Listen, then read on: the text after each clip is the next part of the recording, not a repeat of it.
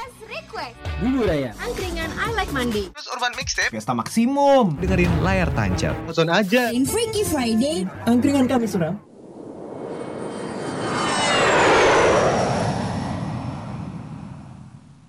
Fiesta Radio goes to podcast.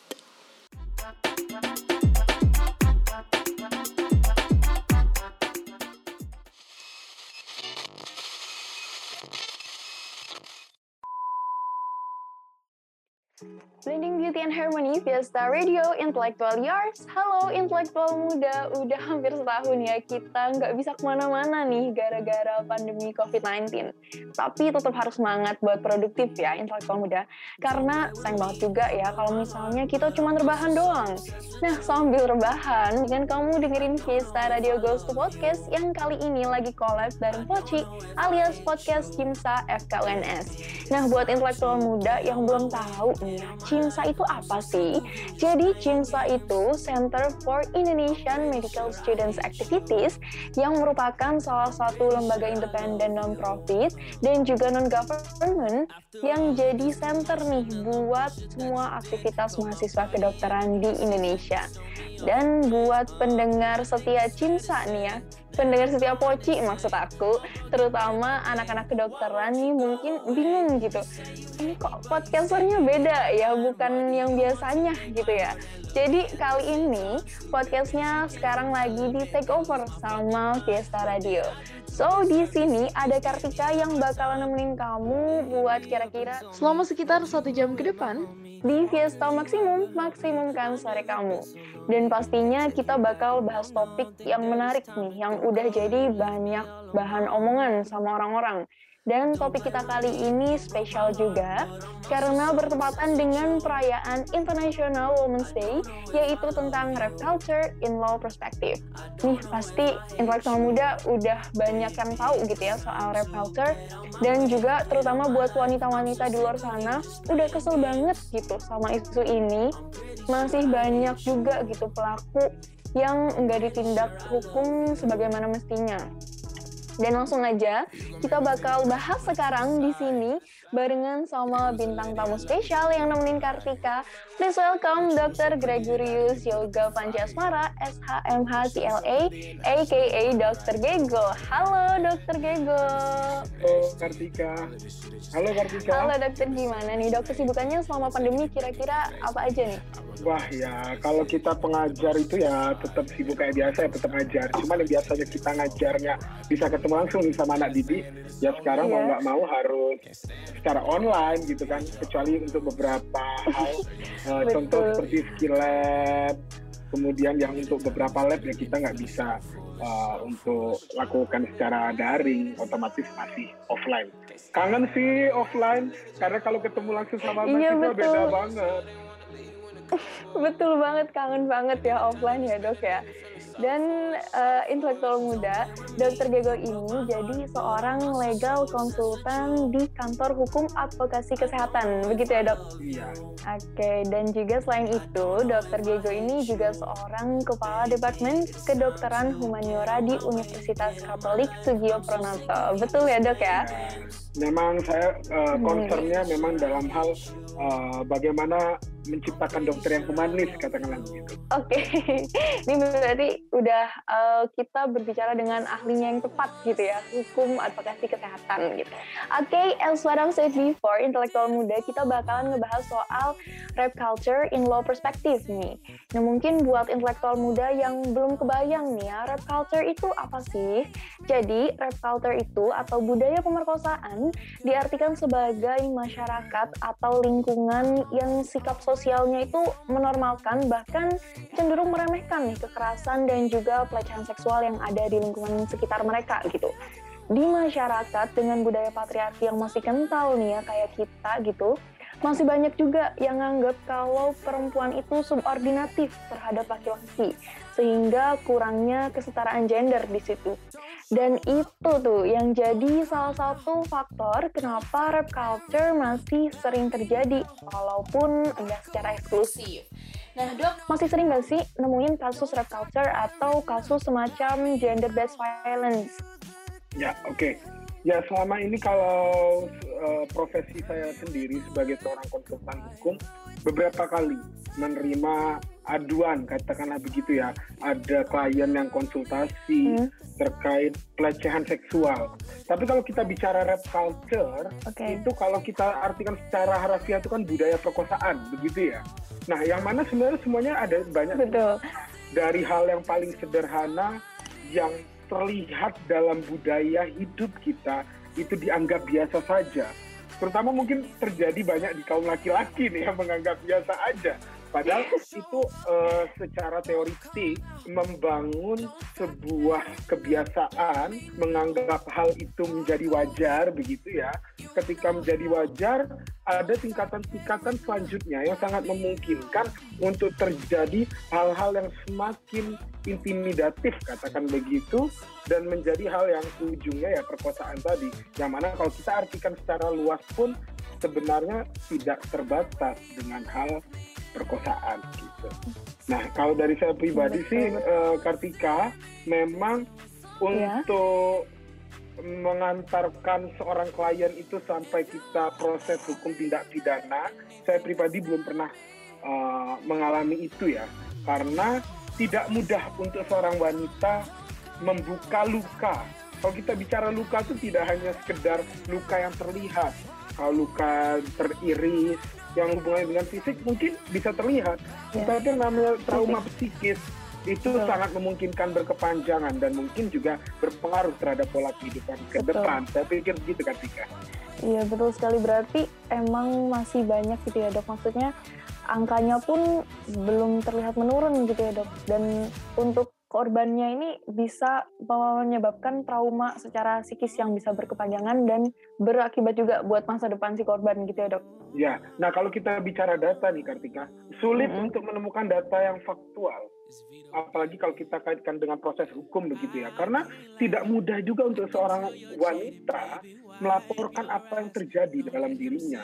Nah nanti bisa kita ulas sedikit Betul. ya mengenalkan tentang iya, rancangan undang-undang mengenai eh, RUU PKS kalau orang bilangnya begitu kan. RUU mengenai betul, penghapusan kekerasan seksual yang mana lagi in banget juga. Di dalamnya memang sudah bisa nanti kita bahas negara hadir untuk melindungi para wanita Indonesia yang mana wanita ini juga insan yang sangat penting untuk dilindungi gitu. Nah fenomena gunung es sangat terjadi lah kalau dalam budaya perkosaan atau rap culture ini. Karena ya balik lagi kalau sudah melapor ya kita buka aja lah faktanya banyak juga uh, orang besar di luar sana mengamal oh hal itu biasa ah ini karena wanitanya terlalu begini begini begini gitu kan secara tidak langsung ya itulah Betul. sebenarnya yang memulai rap culture itu sendiri.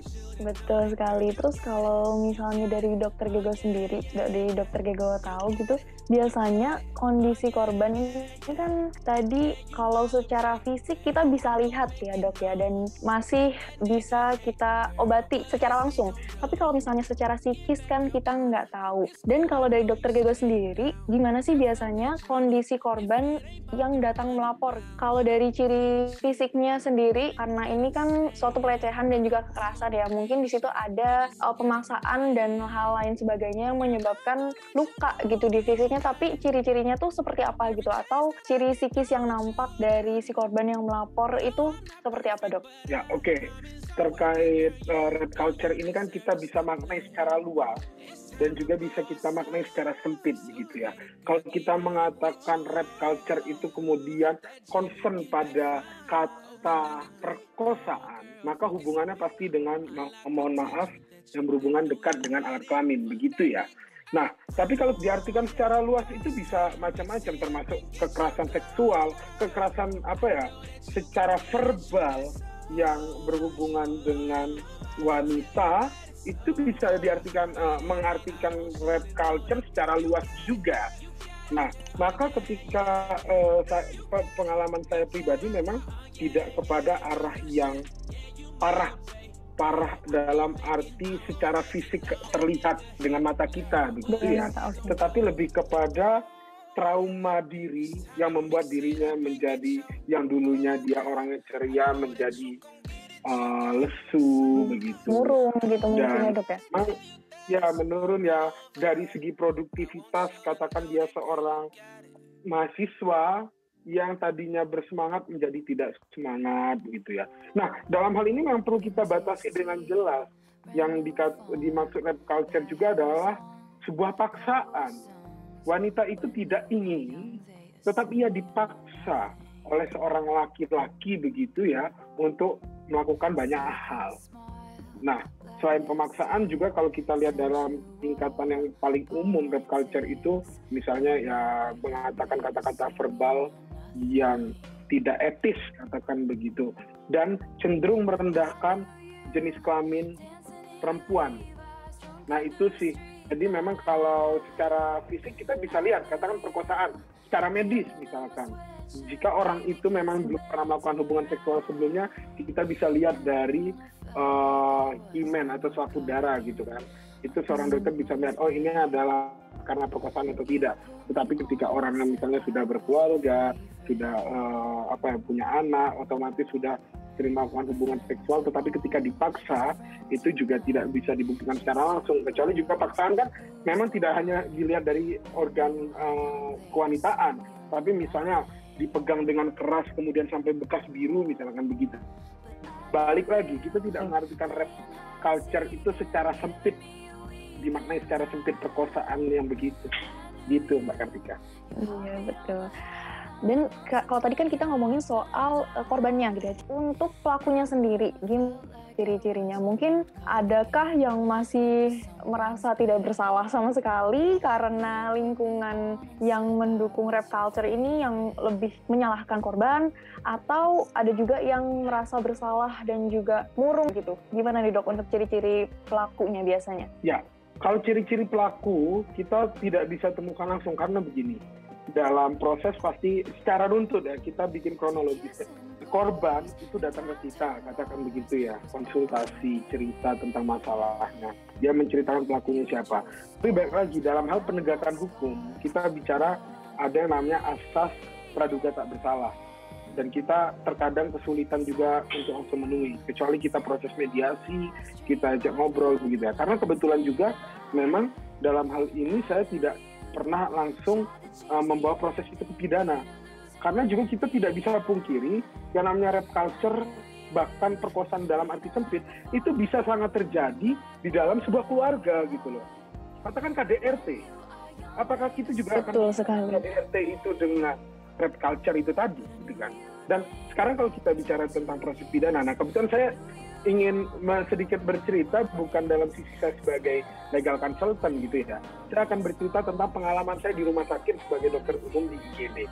Kebetulan saya sempat bekerja pengabdian katakan itu melalui internship di sebuah rumah sakit polisi di Jawa Tengah yang mana sering menerima visum, permintaan visum, pasien datang itu dengan kondisi udah acak-acakan dan lain-lain bahkan lucunya diantar dengan suaminya. Suaminya datang cerita macam-macam kan. Ya ini karena ini ini ini, ini. Kemudian kok ada sesuatu yang janggal saya minta untuk saya bisa wawancara secara tertutup dengan si wanita itu baru ceritalah. Ya sebenarnya saya seperti ini seperti ini seperti ini. Nah semua orang pun yang mendengar cerita saya tidak bicara hanya profesi dokter secara profesi dokter secara sempit. Saya berbicara secara luas tidak semua orang bisa terima langsung percaya dengan cerita orang itu Betul. dianggap perkosaan nanti ada yang bilang alah kamu menikmati juga ada yang lain nah kita Betul. harus menjadi pribadi yang objektif kita tidak bicara tentang orang itu berbohong atau tidak tetapi kita mem- memerlukan untuk mengetahui secara dalam terlebih dahulu nah maka memang inilah yang dibutuhkan. Kita sebagai masyarakat pun memang jangan sampai melakukan judgement tertentu. Apalagi mendahului yang namanya proses hukum. Nah walaupun di sisi ini saya kembali lagi kita tidak semuanya harus diselesaikan secara hukum. Karena kalau kita bicara misalkan KDRT begitu ya. Siswa katakan si istri si wanita itu bukan orang yang be- orang yang bekerja dia hanya wanita eh, yang tinggal di rumah mengurusi rumah tangga misalkan begitu. Kita tidak bisa juga mengecilkan pribadi begitu karena kan namanya concern seorang wanita bisa saja oh saya akan fokus untuk eh, keluarga saya membesarkan anak katakan begitu ya peran wanita saat itu dia tidak bekerja katakan itu kemudian suaminya hanya bekerja. Kalau proses peradilan apa pidana tadi kita jalankan dan terbukti suaminya melakukan ini saya berharap rap culture ini kita maknai secara luas ya. Maka saya bicara tentang yang saya alami pribadi sebagai seorang dokter. Ketika KDRT itu diproses dan kemudian terbukti terjadi tindak pidana KDRT, maka akan terjadi double victim. Bagaimana wanita itu dan anaknya itu bisa maka yang bekerja itu suaminya, padahal seorang istri itu tidak selalu dengan terjadinya kekerasan, dia meminta suaminya dipidana, dipenjara enggak. Bisa jadi dia hanya meminta permohonan maaf, Betul. hanya meminta maaf gitu ya yang diharapkan sehingga tidak terjadi double victim. Nah inilah yang namanya kita harus melakukan pembaharuan dalam hal eh, peradilan pidana juga, yang mana sekarang pemerintah sedang menggodok RUU penghapusan kekerasan seksual. Saya sangat berharap memang RUU itu bisa segera disahkan selepas mungkin ada banyak keterbatasan, tetapi itulah bentuk kehadiran negara demi melindungi para wanita seperti itu. Iya betul sekali dan emang RUU PKS ini dinanti-nanti juga ya dok oleh banyak kalangan karena sepenting itu untuk melindungi para korban pelaku kejahatan seksual gitu ya.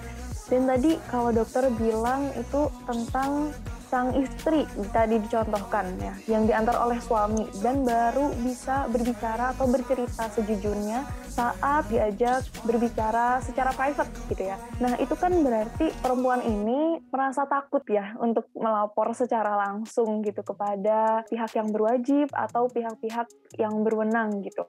Nah, kira-kira kenapa sih dok perempuan ini atau para korban pelecehan seksual ini takut gitu untuk melaporkan langsung? Dan kira-kira tuh apa sih resiko yang bakalan mereka tanggung setelah mereka melaporkan apa yang mereka alami?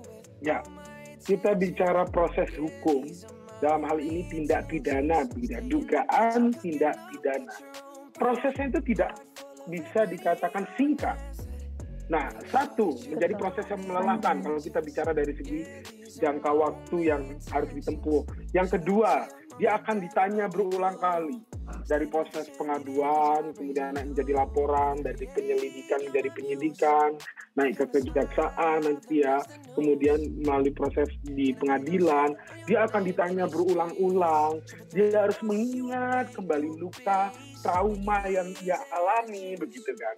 Kemudian belum lagi dengan double victim tadi yang saya bilang, ternyata setelah misalnya tindak pidana itu terbukti terjadi, si suami katakan nanti di penjara, ternyata dia juga tidak bisa makan.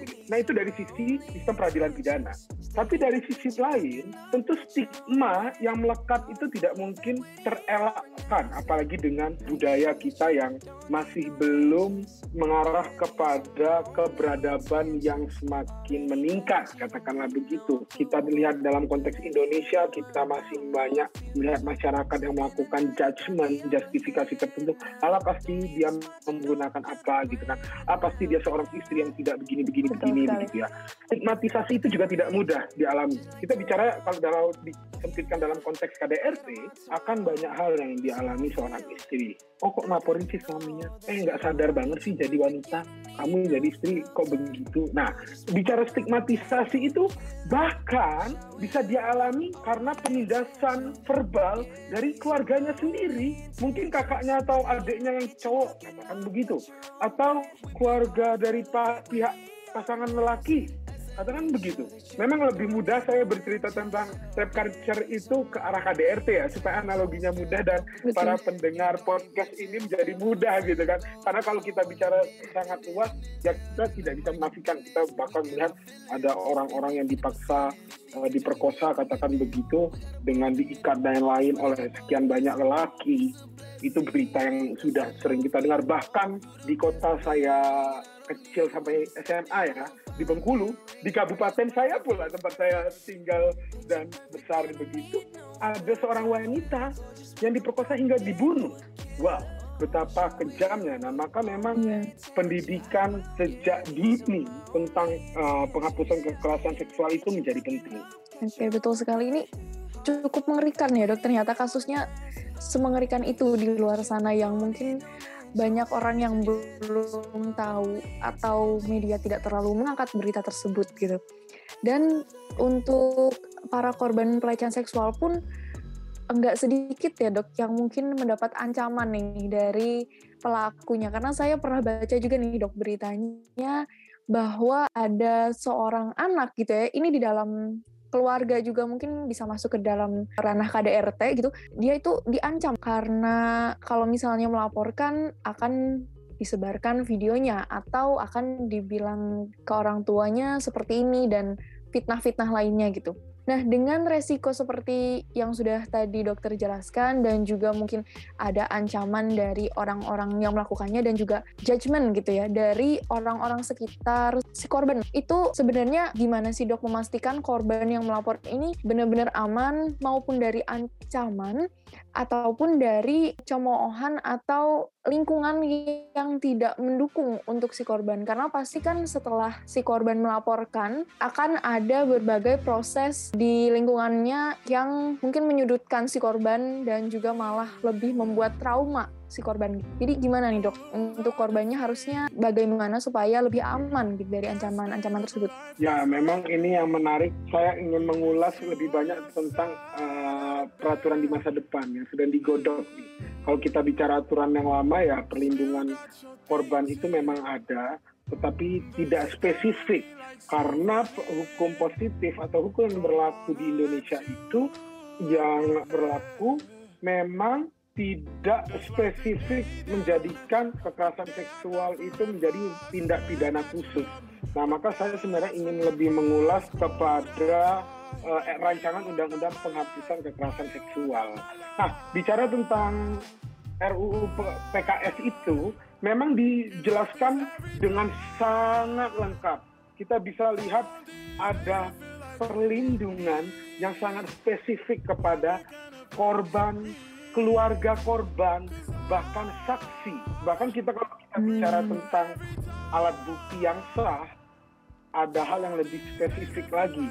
Kalau kita bicara alat bukti yang sah dari kacamata kitab Undang-Undang Hukum Acara Pidana pasal 184 itu memang hanya secara umum misalkan ada lima alat bukti yang sah itu keterangan saksi, keterangan ahli, surat, petunjuk, keterangan terdakwa yang mana kalau kita bicara visum yang tadi kita bahas uh, secara singkat itu memang termasuk alat bukti yang sah di dalam uh, kacamata KUHAP pasal 184. Nah, kalau di dalam uh, eh, RUU PKS ini alat bukti yang sah menjadi lebih banyak gitu dan dan lebih spesifik disebutkan secara lengkap begitu ya.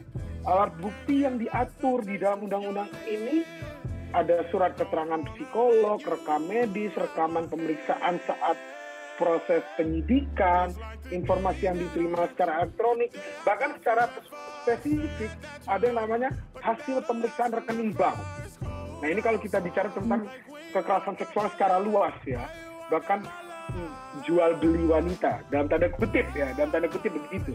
Nah dalam hal dalam rangka uh, yang kita bicara perlindungan tadi, kita bisa lihat begitu banyak hak yang bisa diperoleh seorang korban, keluarga korban maupun saksi.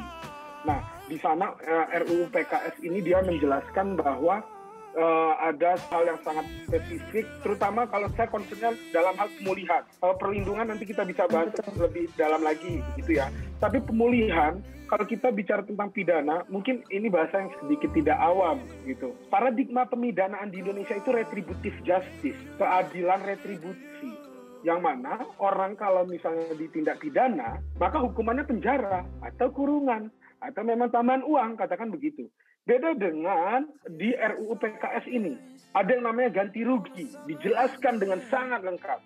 Kemudian bicara tentang pemulihan, tidak hanya setelah terbukti tindak pidana tersebut, tetapi dari awal proses korban, keluarga korban dan saksi itu memiliki pemulihan dan perlindungan yang dijelaskan secara spesifik. Nah ini yang sangat membedakan dan saya pikir harus segera RUU PKS ini kita sahkan terlepas dengan segala kelebihan dan kekurangan tentu sebuah aturan kita tidak bisa katakan itu selalu ideal karena dalam perjalanannya tentu ada perubahan zaman yang membuat peraturan itu harus terus dikaji lebih dalam dan benar-benar memberikan perlindungan pada para wanita.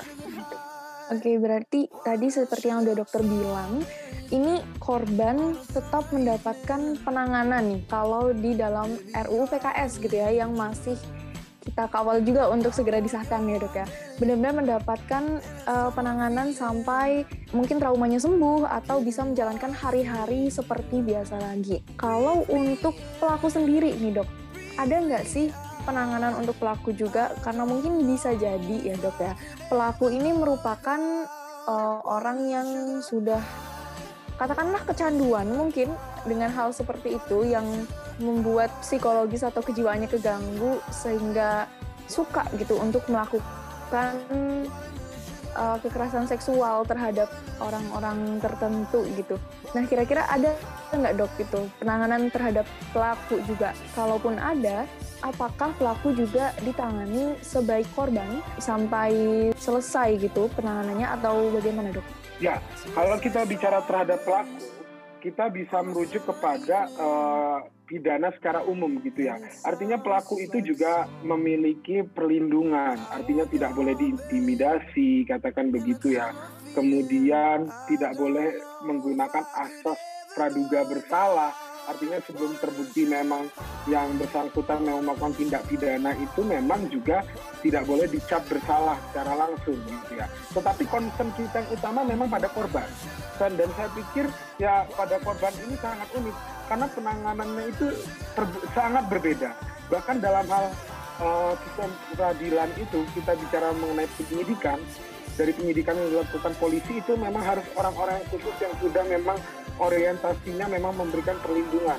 Karena kalau kita lihat di berita pun banyak nih, polisi yang ternyata juga tidak berpihak dan tidak paham mengenai rap culture dan ternyata uh, secara tidak langsung tidak berpihak. Katakanlah begitu ya, itu berita yang ngomong gitu ya. Karena saya nanti jangan sampai nih nanti saya dibilang oh polisi nggak benar atau penegak hukum nggak benar wah nanti konteksnya menjadi salah begitu ya karena memang dibutuhkan iya, penegak hukum yang uh, yang memang paham mengenai red culture itu sendiri. Karena kita bilang budaya. Kita bicara mengenai budaya. Bud mengubah budaya itu tidak mudah. Nah maka memang dengan adanya RUU PKS ini penegak hukum pun dibekali banyak hal.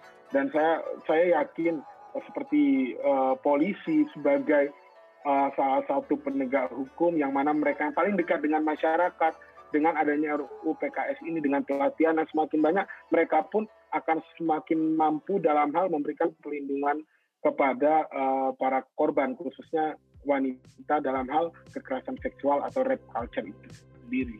Nah, maka kalau dalam segi pelaku tentu pelaku dilakukan tidak semena-mena tapi dalam hal uh, tahanan sementara katakanlah begitu dalam proses uh, penyidikan sangat dimungkinkan seorang pelaku itu pun untuk ditahan sementara supaya tidak menghilangkan alat bukti eh, barang-barang bukti yang ada seperti itu dan itu berlaku pada pidana secara umum. Hmm.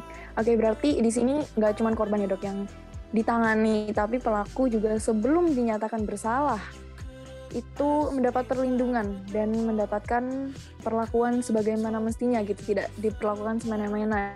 Terus kembali kita e, bicara ini soal bukti atau tanda fisik yang tadi dokter sempat ulas sedikit soal visum pada korban. Saya ini sebenarnya sempat baca-baca juga dan juga dengar nih tentang visum et repertum Nah sebenarnya visum et repertum itu apa sih dok? Maksudnya dasar hukumnya itu seperti apa dan juga jika korban mau melaporkan dengan bukti-bukti fisik yang ia punya gitu, indikasi yang bukan untuk melakukan visum ini apa aja?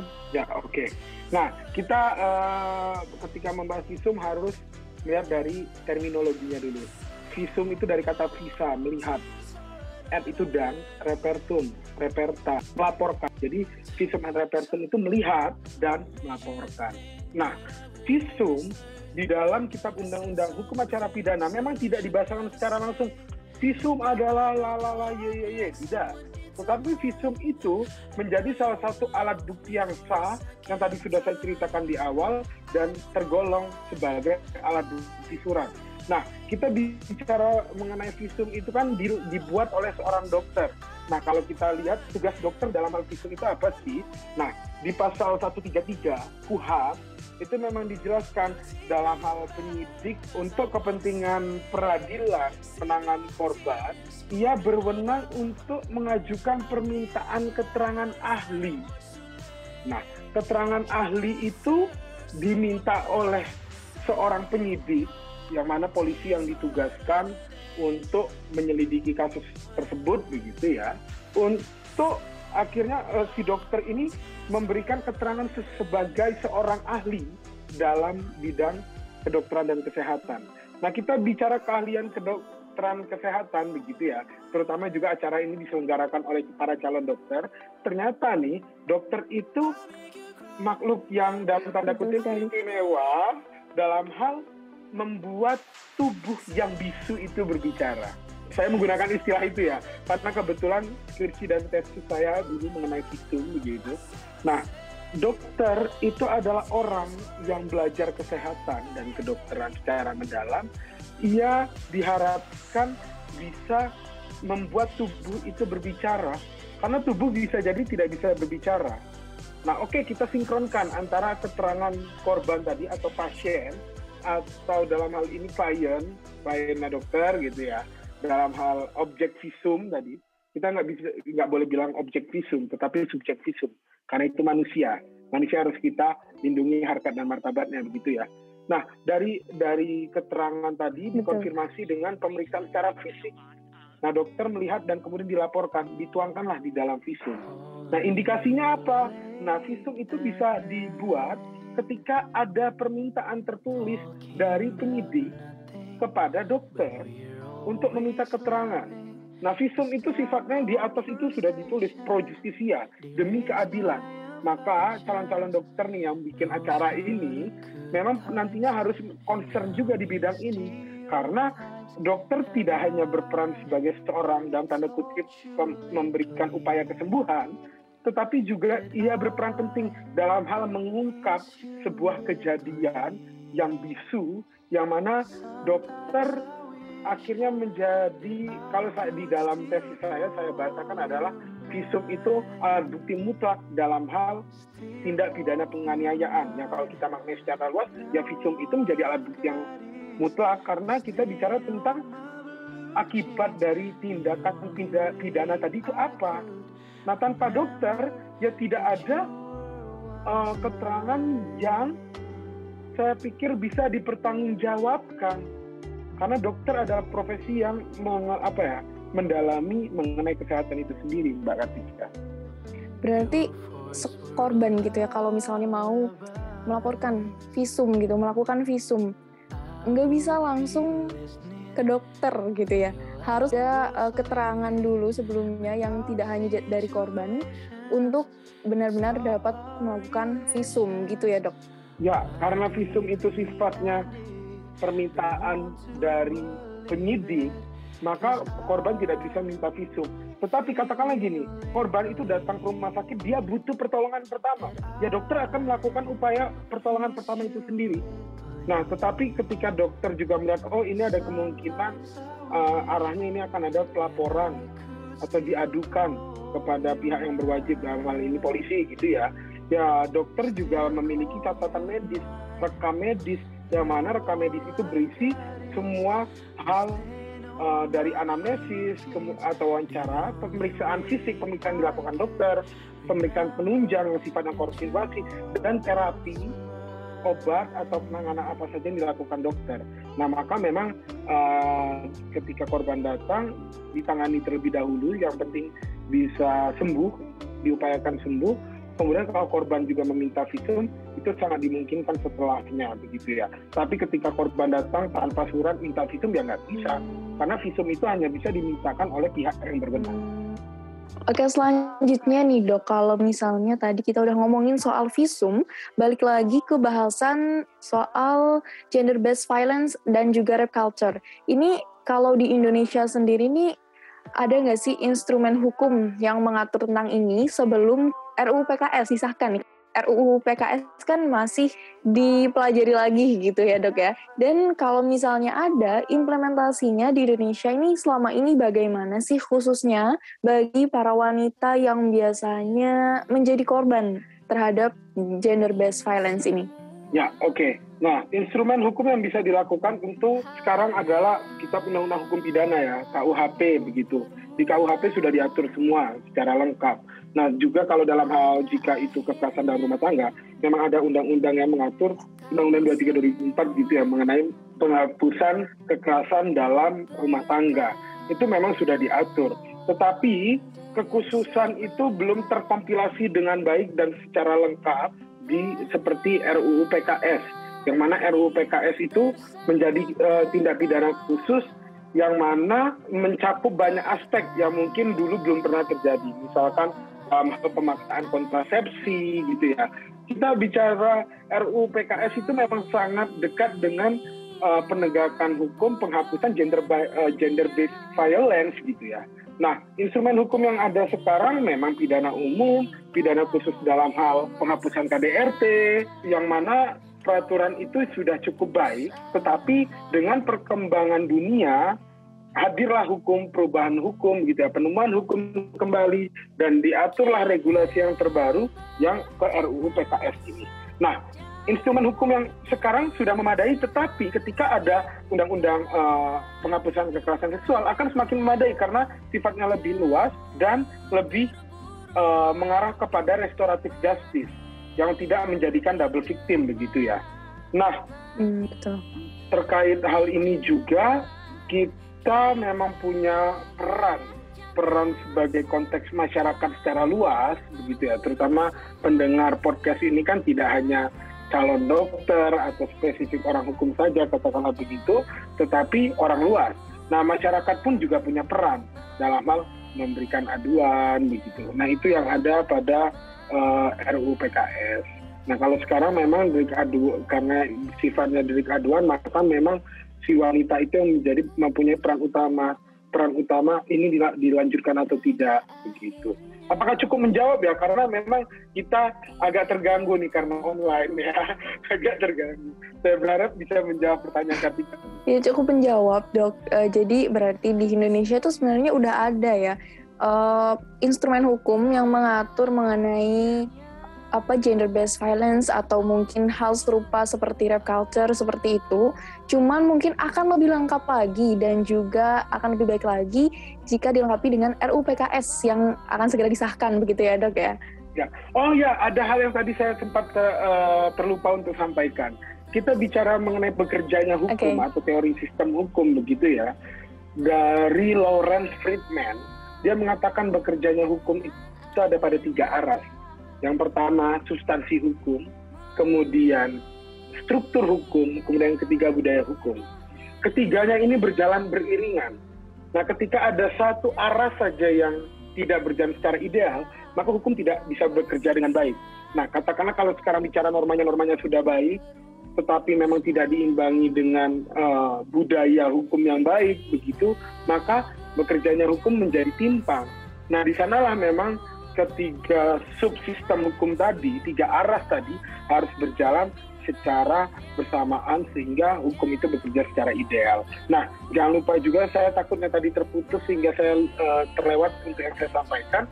Uh, paradigma pemidanaan yang berubah itu dari retributif menjadi uh, pencarian keadilan yang restoratif karena kita melihat para paradigma pemidanaan tidak bisa lepas dengan pencapaian keadilan.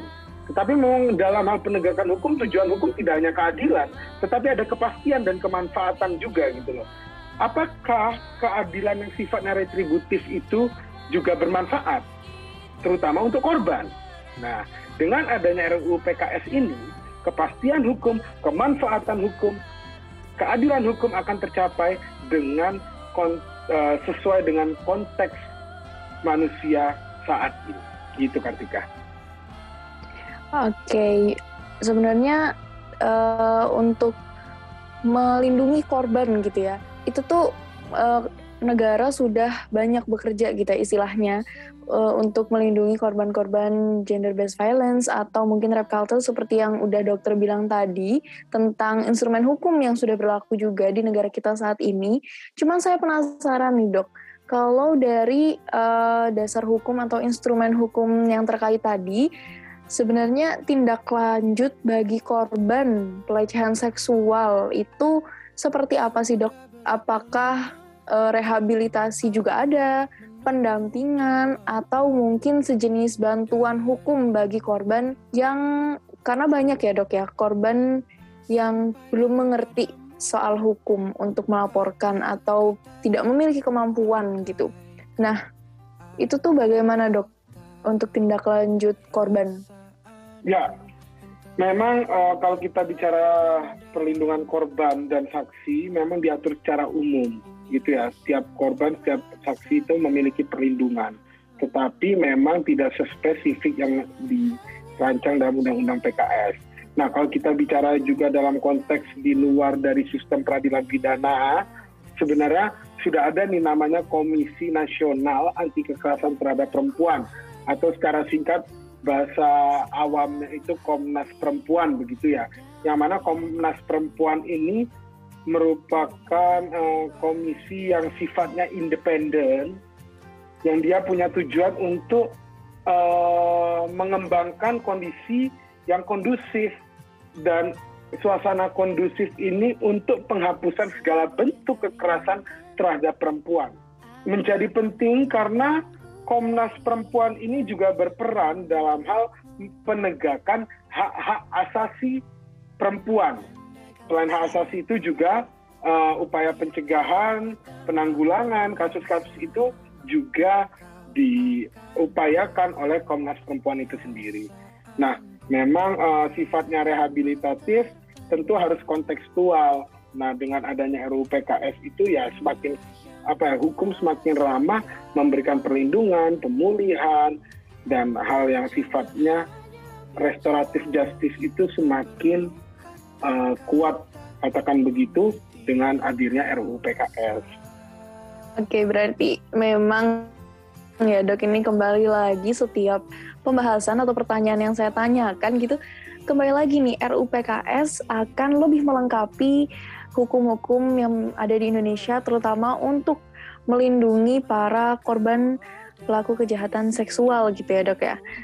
Nah kalau misalnya dari dokter sendiri nih mungkin ada pesan nggak dok untuk diri kita ya dan juga untuk pendengar apa sih yang harus kita lakukan kalau misalnya kita sendiri atau mungkin uh, kerabat-kerabat terdekat kita gitu yang mengalami gender based violence atau dampak dari rap culture. Nah, uh, kita sebagai masyarakat itu berperan banyak dalam hal uh, dari awal tentu yang utama itu mengenai pemulihan ya. Nah masyarakat juga harus mendukung pemulihan ini. Nah perubahan pola pikir, bagaimana juga kita menjadi pribadi yang semakin berbudaya dan beradab itu menjadi penting. Peran kita tentu kita tidak bicara hukum yang selalu ditegakkan, oke? Okay? Yang utama dari hukum itu adalah pencapaian rasa keadilan terutama kepada korban. Nah, maka peran kita sebagai masyarakat yang utama saya lebih berpikir kepada yang sifatnya preventif ya. Artinya begini, kita bicara masyarakat harus berbicara dalam hal tatanan makro. Apa yang makro? Berperan serta bersama-sama mengubah paradigma berpikir, mengubah cara pandang kita kepada wanita, mengubah budaya kita yang tidak mengantarkan kita kepada rap culture itu sendiri kembali kepada saya berharap besar juga nih kepada Cimsa bisa memperjuangkan dan apalagi terutama dalam hal ini kita memperingati International Women's Day gitu ya. ya. Artinya bagaimana memerdekakan seorang perempuan dari ketidaksetaraan gender. Walaupun ini Cimsa menarik nih yang diminta untuk menjadi narasumber seorang lelaki gitu ya. Tapi kebetulan saya seorang yang sangat berharap kesetaraan gender itu ada. Janganlah sebagai seorang pria juga merasa uh, lebih dari seorang perempuan, walaupun itu konteksnya memang terkonstruksi dari aspek sosial budaya. kita di hidup itu kan tidak hanya norma hukum yang kita pegang ada yang namanya eh, nilai yang hidup di masyarakat itu kan ada adat istiadat agama begitu ya. Kemudian juga aturan-aturan yang tidak tertulis kemudian perkembangan globalisasi yang mana pergeseran nilai itu muncul gitu ya. Nah kita bicara ketidaksetaraan gender itu sudah terjadi dari zaman dahulu. Bahkan dari dahulu kala itu sudah terjadi. Kalau kita bicara konteks Indonesia bagaimana Kartini memperjuangkan hak wanita gitu kan? Kita bicara konteks Indonesia nih maka Kartini menjadi Betul. perempuan yang apa ya role model juga untuk bangsa Indonesia nah harapannya gerakan ini tidak putus sampai kita saja tapi saya berharap Cipta pun nantinya punya peran dalam hal me- apa ya mempopulerkan kesetaraan gender kita tidak lagi melihat wanita itu sebagai orang yang harus berada di rumah saja. Walaupun kita bicara konteks pandemi, kita work from home ya, semua di rumah gitu kan. Tetapi artinya dalam di dalam rumah saja tuh wanita seakan-akan tidak boleh uh, punya peran seperti lelaki. Walaupun kita bicara itu konteks konstruksi budaya yang sangat melekat, tapi saya yakin ketika kita memulai langkah itu satu persatu, kita bicara anak anak tangga itu kan mau, mau mencapai tangga tertinggi harus dimulai dengan langkah yang kecil di awal gitu ya. Nah dengan memulai dari diri kita bahwa ternyata kita melihat wanita itu seorang wanita adalah seorang pribadi manusia yang setara, terutama untuk saya seorang pria begitu ya. Mungkin saya berharap nanti seorang wanita, apalagi Kartika ini juga bisa cerita bagaimana perjuangan seorang wanita itu sendiri gitu kan. Nah maka eh, gerakan ini ketika kita mulai bersama harapan jadi gerakan yang saling memengaruhi dan bisa mendekonstruksi budaya yang terjadi di masyarakat ini. Oke, berarti memang kita ya intelektual muda harus saling bahu membahu nih ya dok ya untuk eh, menghapuskan apa budaya yang merasa kalau laki-laki itu selalu di atas wanita gitu ya. Kita harus eh, mengedepankan kesetaraan gender gitu. Ini juga untuk menghilangkan adanya kasus gender based violence atau juga rap culture gitu. Nah, yang terakhir nih, Dok ya, pertanyaan dari saya, apa sih yang harus kita lakukan gitu ya jika orang terdekat kita yang mengalami kasus gender based violence atau kasus pelecehan seksual lainnya dan kita ini sebagai orang yang terdekatnya apakah boleh kalau misalnya ikut campur dan sejauh mana nih kita sebagai orang terdekatnya bisa ikut campur dalam membantu si korban melaporkan kejadian yang ia alami. Ya oke. Oh, kembali ya, kalau karena saya perspektifnya perspektif korban, maka eh, kepentingan korban atau hak otonomi dari korban itu harus kita utamakan satu. Walaupun saya seorang penstudi praktisi hukum, saya tidak selalu mengedepankan semua itu harus diproses hukum tidak. Tentu yang utama itu rasa keadilan dan pemulihan kembali kepada si korban itu menjadi penting. Nah dalam konteks uh, red culture gender based violence yang utama adalah menghindari trauma psikologis yang kepanjangan karena trauma psikologis trauma psikis itu uh, menjadi concern utama menurut saya. Sebagai orang-orang terdekat yang juga mungkin menjadi seorang akan mensupport seorang korban nantinya saya berharap kita bisa menjadi orang terdekat tempat mereka bercerita, tempat mensupport, tetapi tentu kita tidak menjadi seorang ahli yang menganggap ah, itu hal biasa saja atau kita tidak bersikap empati gitu ya. Nah, sikap empati itu penting. Artinya kita juga merasakan apa yang uh, rekan kita rasakan tetapi tidak jatuh di dalam kesedihan dan kita memberikan support dengan cara menjadi pendengar yang baik. Terkadang kita menjadi seorang pendengar, seorang manusia itu tidak mudah menjadi seorang pendengar. Lebih cenderung menjustifikasi. Kalau konteksnya tadi hubungannya dengan culture. Cenderung mengatakan bahwa merendahkan apa yang dikeluhkan. Karena kita bicara rap culture itu tidak langsung kepada perkosaan saja, tetapi dengan body shaming. Itu kan tingkat-tingkatan rap Betul. culture, salah satunya ada body shaming. Kalau di tingkat yang lebih bawah lagi, dengan jokes-jokes yang berbasis gender gitu ya. Nah, dengan kita Betul. uh, tidak menganggap permasalahan orang itu menjadi lebih rendah kah?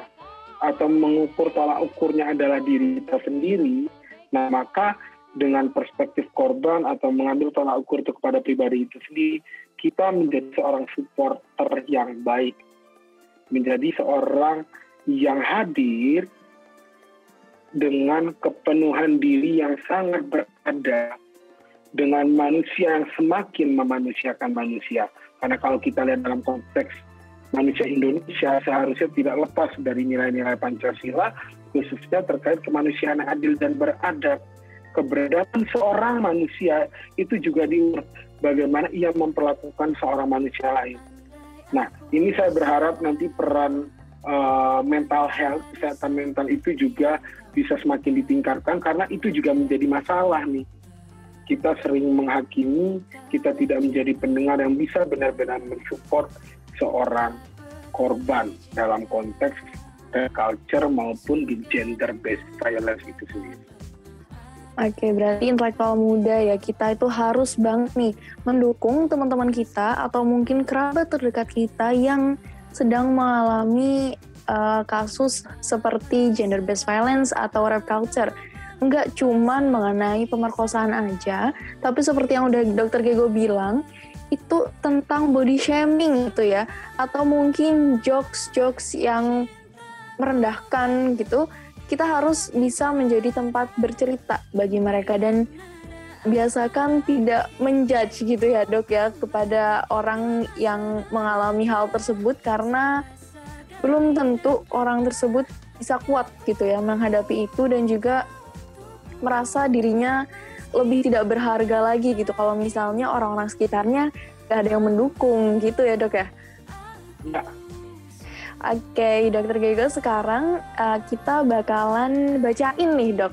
Dan juga diskusiin juga beberapa da- pendapat dari intelektual muda yang udah Kartika pilih. Karena tadi udah ada intelektual muda yang sempat komen gitu ya, tentang rap culture ini atau gender based violence. Dan ada dua intelektual muda yang beruntung nih buat Kartika bacain komentar dan juga pertanyaannya di sini buat didiskusiin bareng sama Dokter Gego.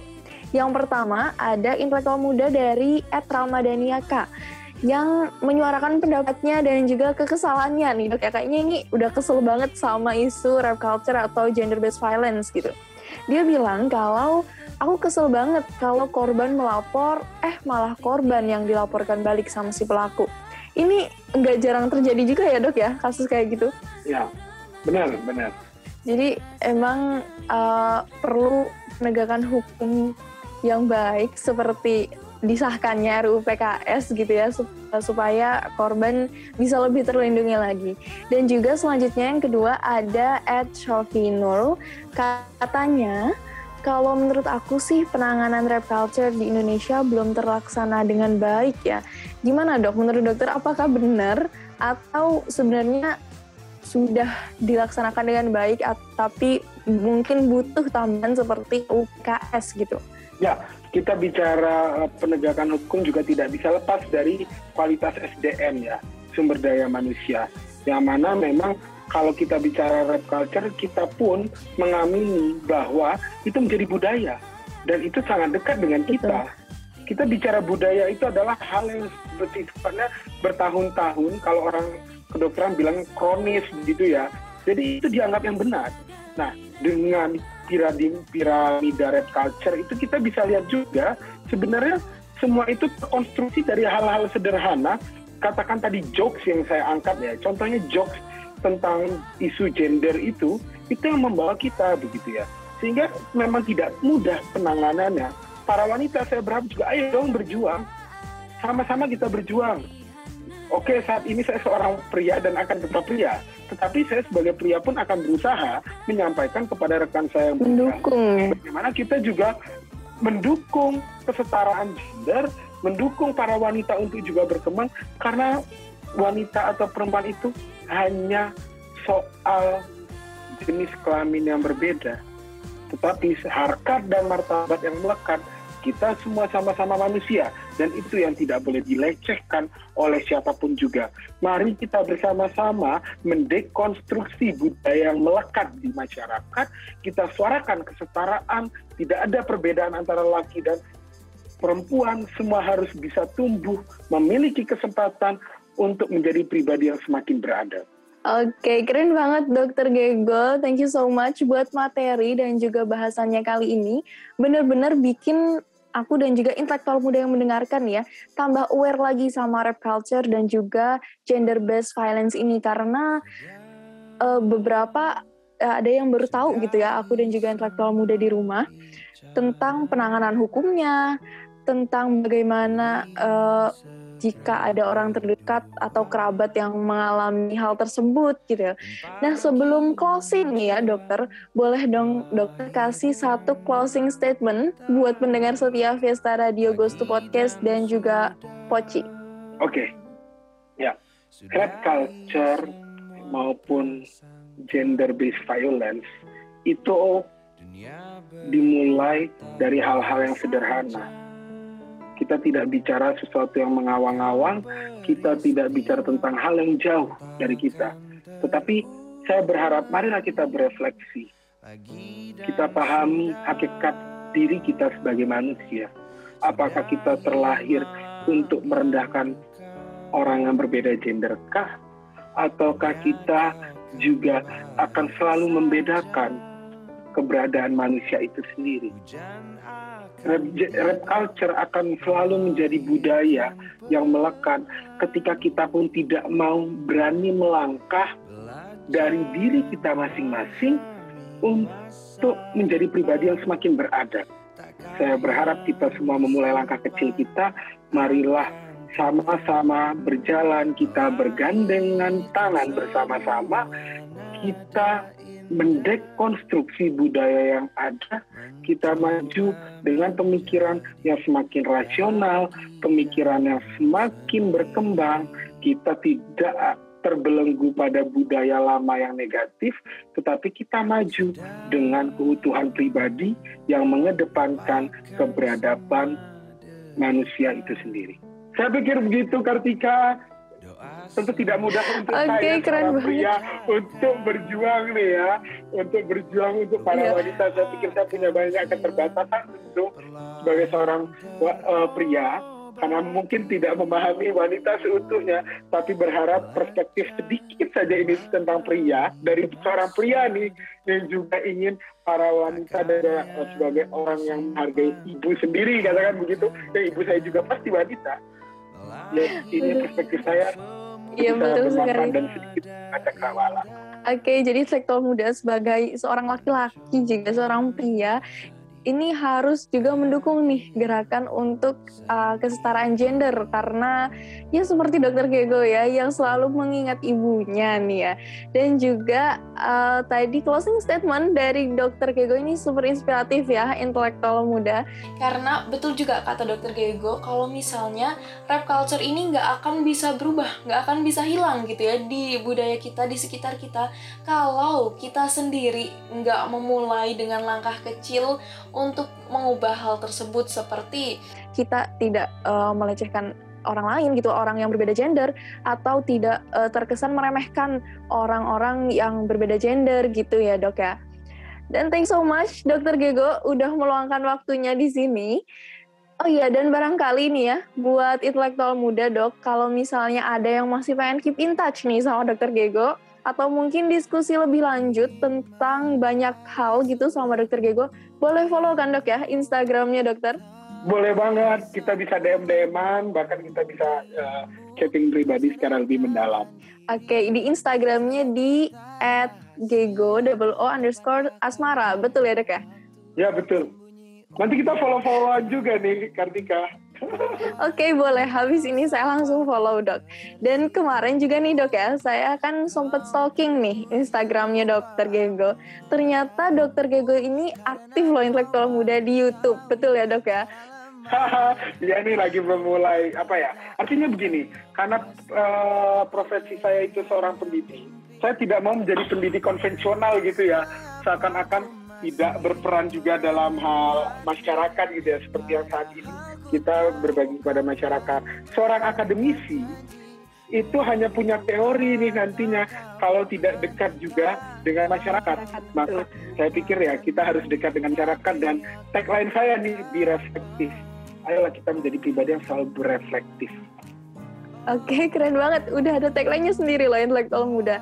Nah, kalau misalnya intelektual muda kepo nih ya, dan penasaran nih sama video-videonya Dr. Gego, bisa mampir ya ke channel YouTube-nya Dr. Gego. Dan jangan lupa juga harus subscribe dan juga like, komen gitu ya dok ya. Terima kasih sudah disupport. ya dong kita harus support ya, saling support satu sama lain. Terus juga thank you so much nih buat Cimsa yang udah bersedia collab sama Fiesta Radio. Dan gak lupa juga Kartika mau bilang makasih banyak buat intelektual muda yang udah nyimak dari tadi buat kamu yang mau ngasih kritik sama saran buat Fiesta Radio, bisa aja langsung kirim ke email Fiesta Radio di fiestaonair@gmail.com.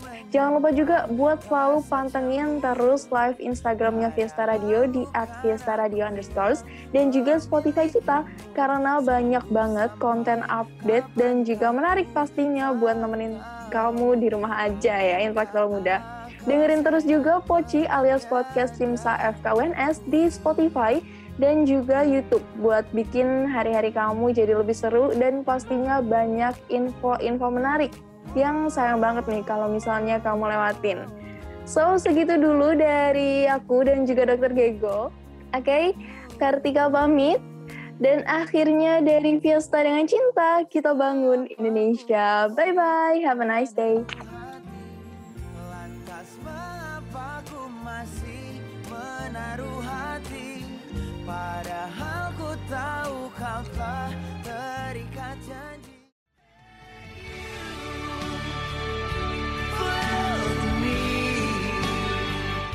Wanna thank you for giving me time to breathe.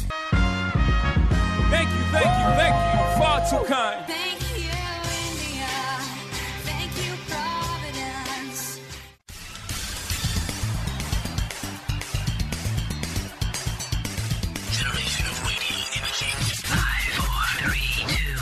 Yes,